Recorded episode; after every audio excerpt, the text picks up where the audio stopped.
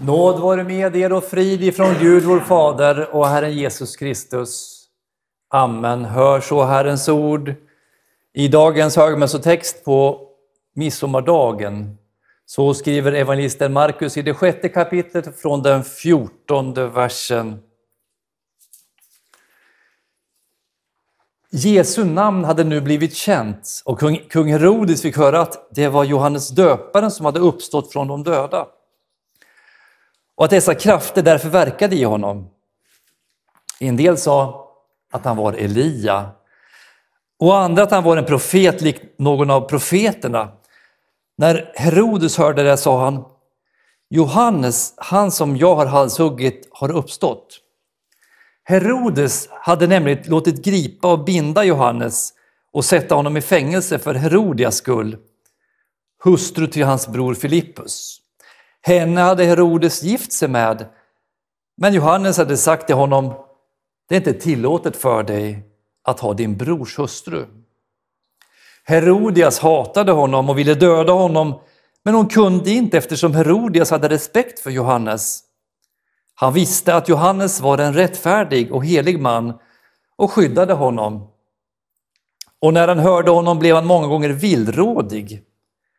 Ändå lyssnade han gärna på honom. Så kom en dag, ett lämpligt tillfälle, när Herodes firade sin födelsedag och ställde till fest för sina stormän och överstar och de främsta männen i Galileen. Då kom Herodias dotter in och dansade och Herodes och hans bordsgäster blev så förtjusta att kungen sa till den lilla flickan Be mig om vad du vill så ska du få det. Han svor på det och sa till henne, allt vad du ber om ska jag ge dig ända till hälften av mitt rike. Då gick hon ut och frågade sin mor, vad ska jag be om? Hon svarade, Johannes döparens huvud. Flickan skyndade in till kungen och bad, jag vill att du genast ger mig Johannes döparens huvud på ett fat. Kungen blev mycket bedrövad över sin ed inför gästerna, men han ville inte avvisa henne. Han skickade därför genast iväg en bödel och befallde honom att bära fram Johannes döparens huvud. Denne eh, gick då och halshögg Johannes i fängelset och han bar fram hans huvud på ett fat och gav det åt den lilla flickan och hon gav det åt sin mamma. Johannes lärjungar fick höra det och de kom och tog hans döda kropp och lade den i en grav. Amen. Herre, helga oss i sanningen. Ditt ord är sanning. Amen.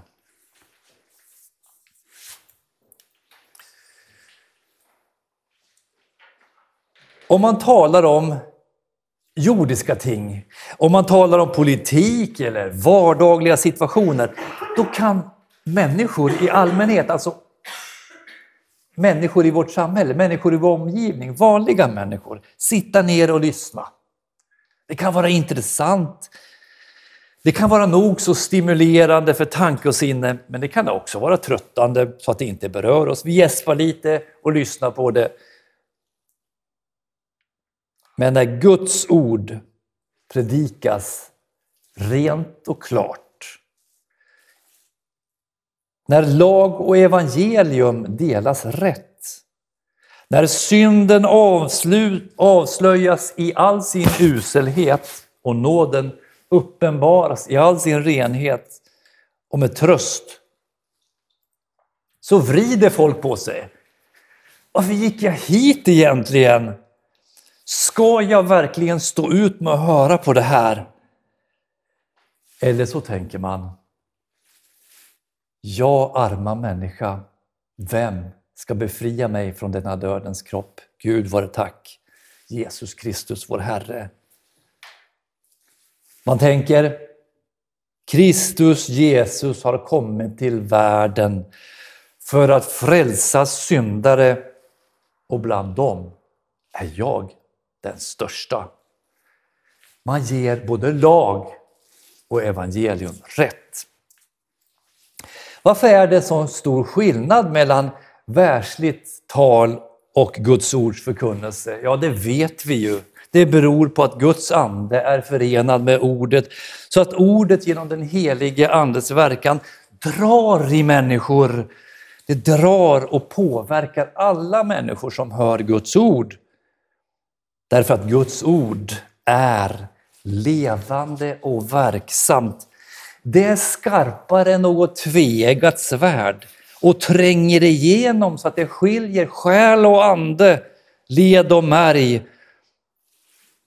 Och det är en domare över hjärtats uppsåt och tankar. Dagens text visar oss hur olika människor på olika sätt berördes och påverkades av Guds ord. Och de visar, den visar hur olika det, de blev till sin karaktär på grund av detta. Paulus liknar det apostoliska ordet vid en rökelse, en doft, när han skriver i Andra Korinthierbrevets andra, andra kapitel och den fjortonde versen. Men vi tackar Gud som alltid för oss fram i Kristi segertåg och genom oss överallt sprider sin kunskaps väldoft. Ty vi är en Kristi rökelse inför Gud bland dem som blir frälsta och bland dem som blir förtappade. För de senare en doft av död till död, för det förra en doft av liv till liv. Tänk att samma ädla och rena Guds ord för somliga kan leda till liv och frälsning och andra till död och dom. När ordet först drabbade Johannes döparen så befann han sig i sin mamma Elisabets mage.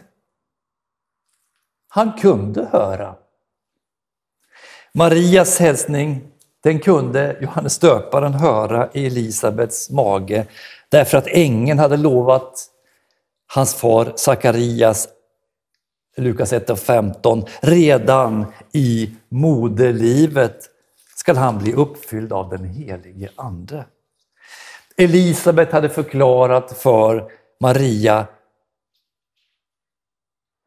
se, när ljudet av din hälsning nådde mina öron spratt barnet till i mig av glädje. Våra bekännelseskrifter, de schmakaldiska artiklarna, förklarar Johannes döparen vart icke avlad utan att Gabriels ord först hördes. Ej heller spratt han till i sin moders liv utan att Marias röst först göd.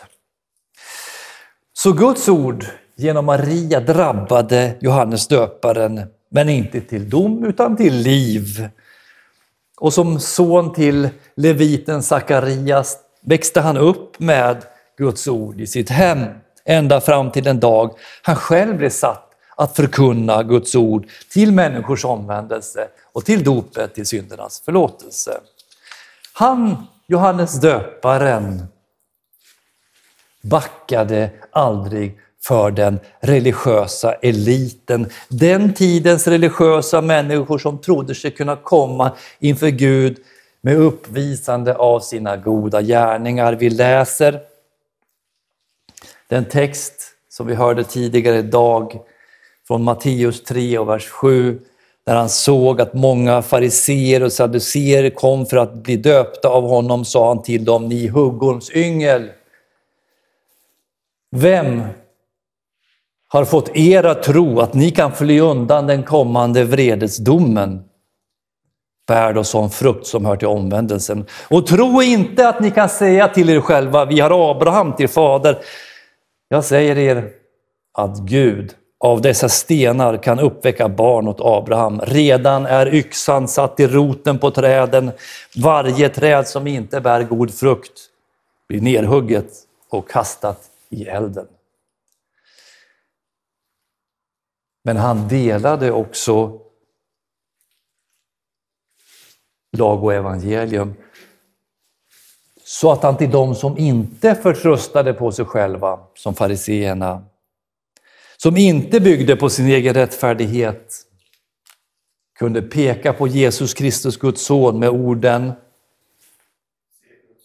Se Guds lam som tar bort världens synd.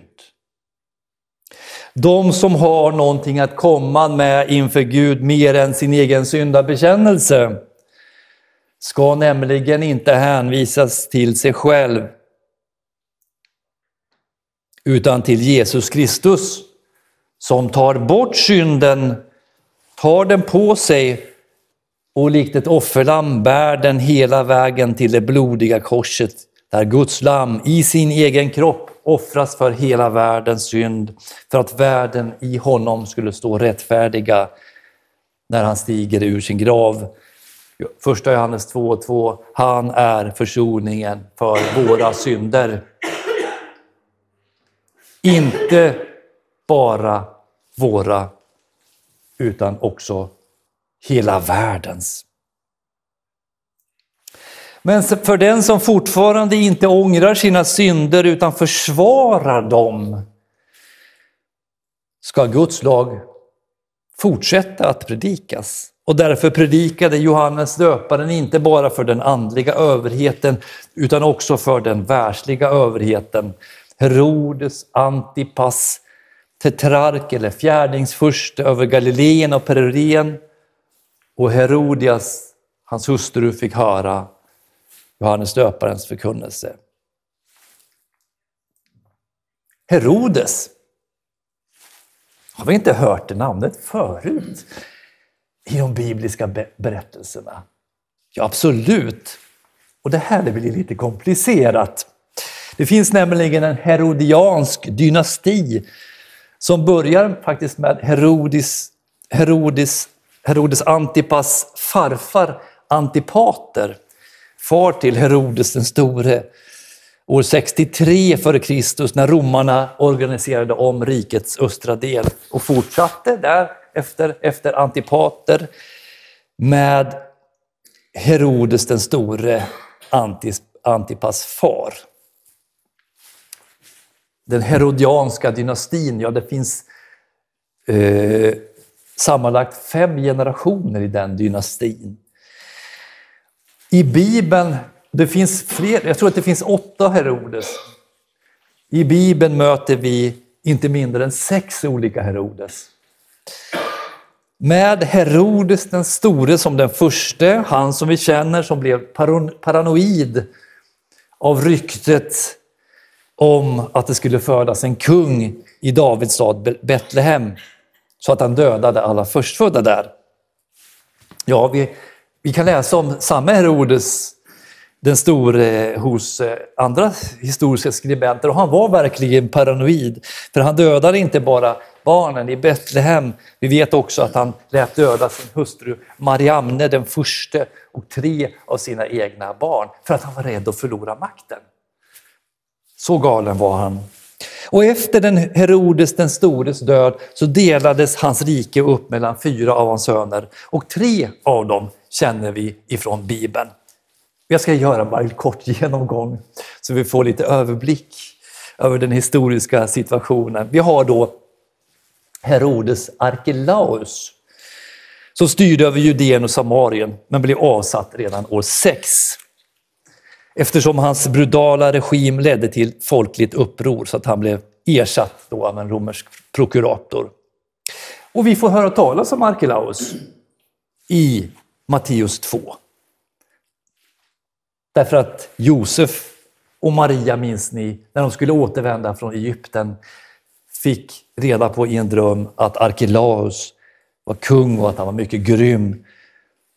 Eh, så att de, skulle, de valde att bosätta sig i Galileen istället.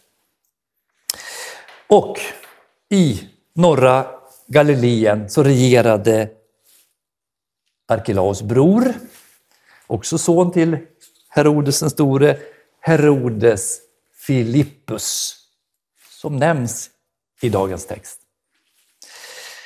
Herodes Filippus som var gift med Herodias, med vilken han hade dottern Salome. Och så har vi huvudpersonen i dagens text. Som tog sin brors hustru Herodias och hon tog med sig dottern Salome. Herodes Antipas som styrde då över resten av Galileen och Perien. Han, eh, han skilde sig från sin hustru och gifte sig med Filipp, brorsan Filippus hustru. Vi återkommer till honom. För vi har, vi har ett par stycken till. Vi möter senare Herodes Agrippa den förste som var brorson till Herodias och barnbarn till Herodes.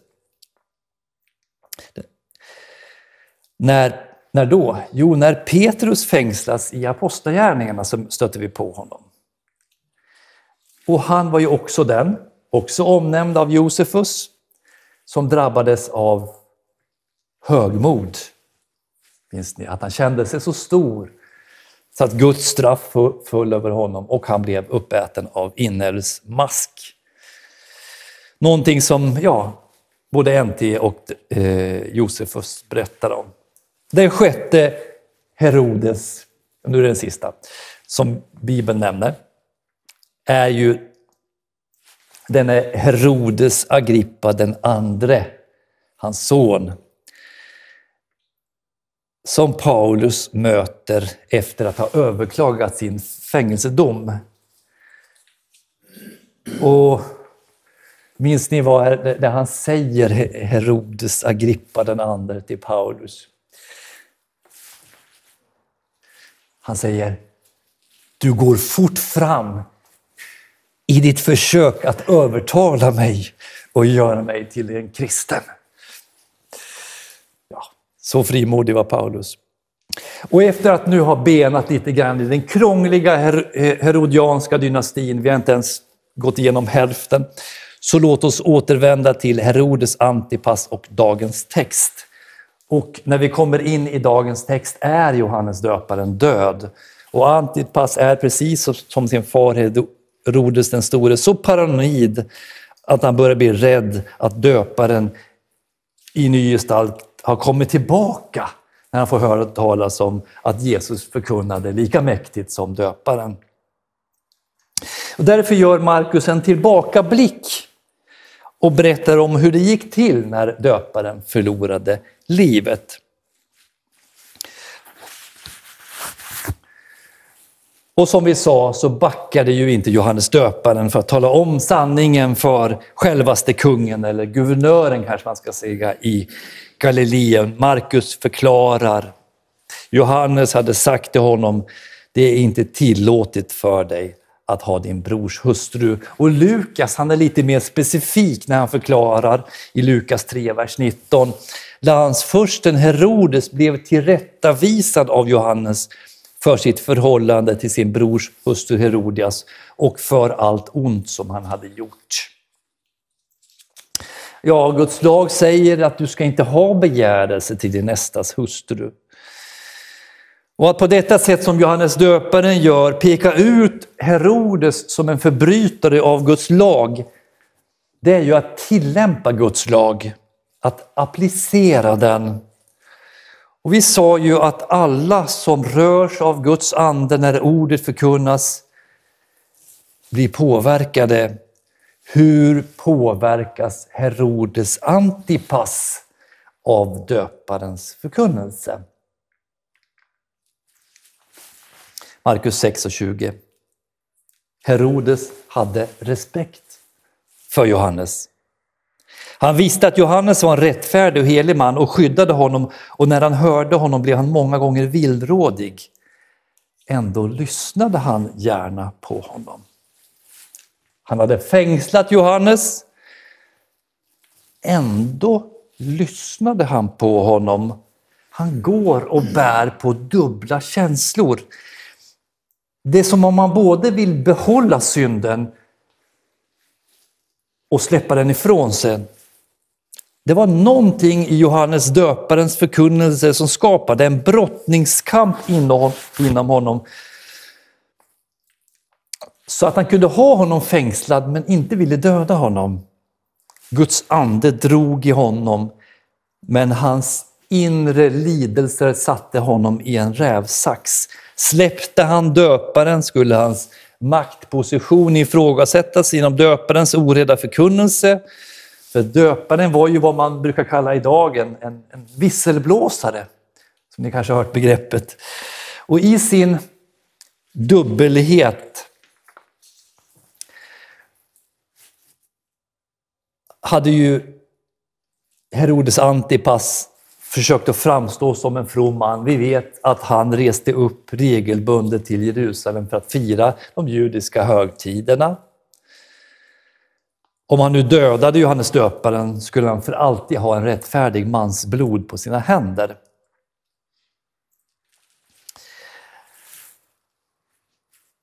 Den andra karaktären, den första karaktären vi pratat om var Johannes döparen. Den andra karaktären som vi pratade om är Herodes Antipas. Det är alltså en man som brottas, men förlorar brottningen därför att synden till slut kan kväva det Guds ord som drar i oss. Skriften säger ingen som frestas ska säga det är Gud som frestar mig. Ty Gud frestas inte av det onda och frestar inte heller någon. Var och en som frestas dras och lockas av sitt eget begär.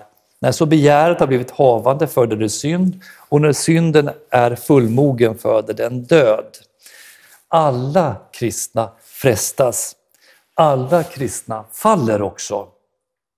Skillnaden är att den som förblir ett Guds barn inte tar det lätt med sina misslyckanden utan ångrar dem och kommer till Gud för att gripa om den nåd som han räcker oss genom Kristi ställföreträdande offer på korset. Johannes skriver, 1 Johannes 2, vers 1. Mina barn, detta skriver jag till er för att ni inte ska synda. Men om någon syndar har vi en som för vår talan inför Fadern, Jesus Kristus som är rättfärdig. Han är försoningen för våra synder och inte bara våra, utan också för hela världens. Är vi sådana som Herodes? Som vägrar släppa taget om vissa synder. Vi låter dem finnas kvar. Vi tar dem inte i nackhåret och släpar dem inför nådens tron. Eller är vi sådana som Johannes, som inför Jesus vet om sin litenhet. Jag är inte ens värd att ta av honom hans sandaler. Betänk då vad Guds ord säger, Hebreerbrevet 3 och 7. Idag, om ni hör hans röst, så förhärda inte era hjärtan. Om vi bekänner våra synder är han trofast och rättfärdig så att han förlåter oss synderna och renar oss från all orättfärdighet. Herodes Antipas gav upp, förblev i sitt äktenskapsbrott och lät döda Johannes döparen på grund av ett idiotiskt löfte som han hade gett sin fru Herodias, eller förlåt, eh, som han hade gett Salome, dottern, Herodias dotter. Innan vi går in på att tala om textens tredje huvudperson, Herodias, låt oss se på hur synden förhärdade Herodes till slut. Hur det kan gå med en, med en människa som brottas med Guds ord, men ger upp. I Lukas 13 så läser vi att Herodes till sist Herodes Antipas till sist ville döda även Jesus. Lukas 13, vers 31. Just då kom några fariseer fram och sa till honom, gå härifrån och lämna den här platsen. Herodes vill döda dig. Jesus sade, gå och säg till den räven, se idag driver jag ut onda andar och botar sjuka och imorgon och den tredje dagen går jag bort. Herodes verkar ha ett religiöst intresse. För han ställer många frågor till Jesus när han, Jesus till slut begripen. Jesus besvarar inte frågorna och så läser vi då i Lukas 23, vers 11. Herodes och hans soldater bemötte honom med förakt och gjorde narr av honom. Och sen när han låtit sätta, honom på, sätta på honom en praktfull dräkt skickade han honom till Pilatus. Så gick det med Herodes Antipas. Men kanske var det så att Johannes döparens förkunnelse ändå på något sätt bet sig fast i Herodes palats. Även fast det inte slog rot i hans hjärta. Är det någon som har hört talas om eh, kvinnan Johanna i Bibeln? Johanna. Det är en, enligt Lukas en av de första som följer Jesus, eh, Lukas 8 och 3. Hon finns med vid Jesu grav i Lukas 24. Och Lukas berättar Johanna var hustru till Herodes förvaltare Kusas. Varför berättar Lukas det? Ja, intressant.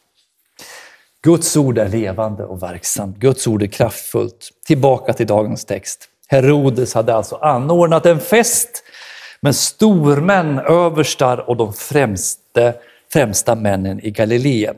Herodias dotter Salome kommer in och dansar och Herodes lovar att ge henne allt hon ber om. Hennes mamma säger då till Salome att ge henne Johannes döparens huvud.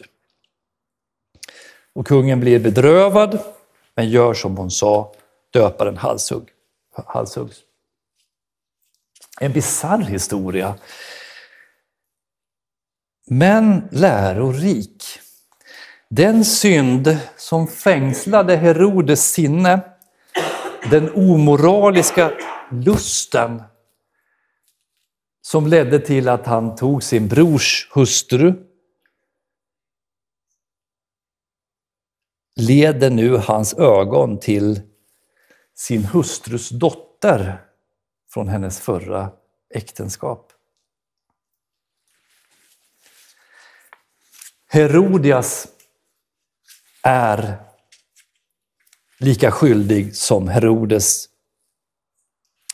Men hos henne finns det ingen tvekan om hur hon skulle ställa sig till döparens förkunnelse. Och det ställs ju fram klart och enkelt i vers 19. Där står bara kort. Herodias hatade honom och ville döda honom. Punkt. Så möter vi tre olika människor i dagens text. Johannes döparen, fylld av den helige Ande sedan barndomen, men medveten om sin litenhet, en man som aldrig tvekade om att avslöja och lyfta fram den fariseiska egenrättfärdigheten, lika väl som han avslöjade synd och orättfärdighet i kötslighet. En man som också förkunnade Guds nåd och döpte till syndernas förlåtelse. Sen har vi Herodes som hörde Guds ord och var villrådig, men som lät sig bindas av sin egen lidelse och sin hustrus ondska. Vi har Herodias som avvisar direkt Guds ords tjänare och enbart belönar honom med hat. Vilka är du och jag?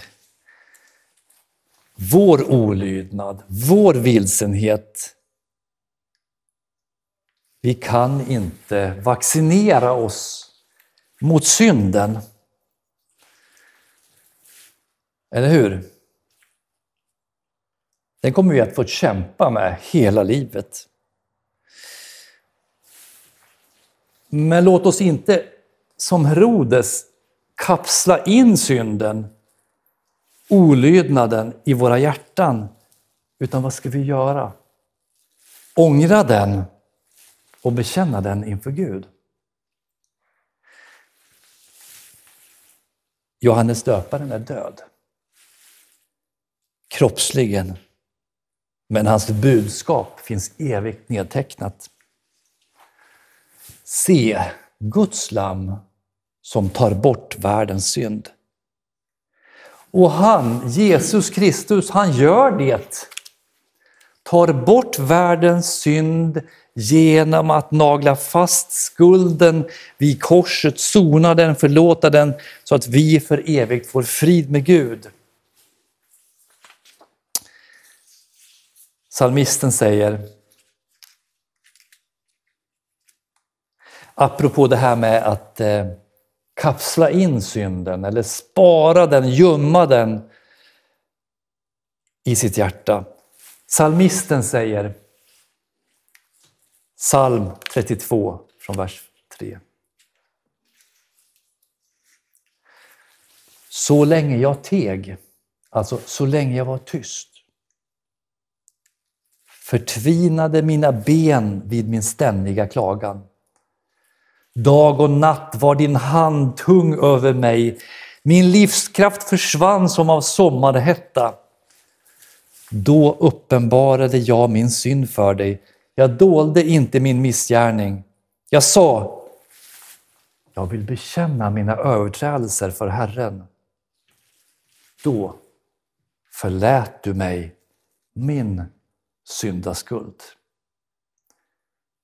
Amen. Låt oss bedja.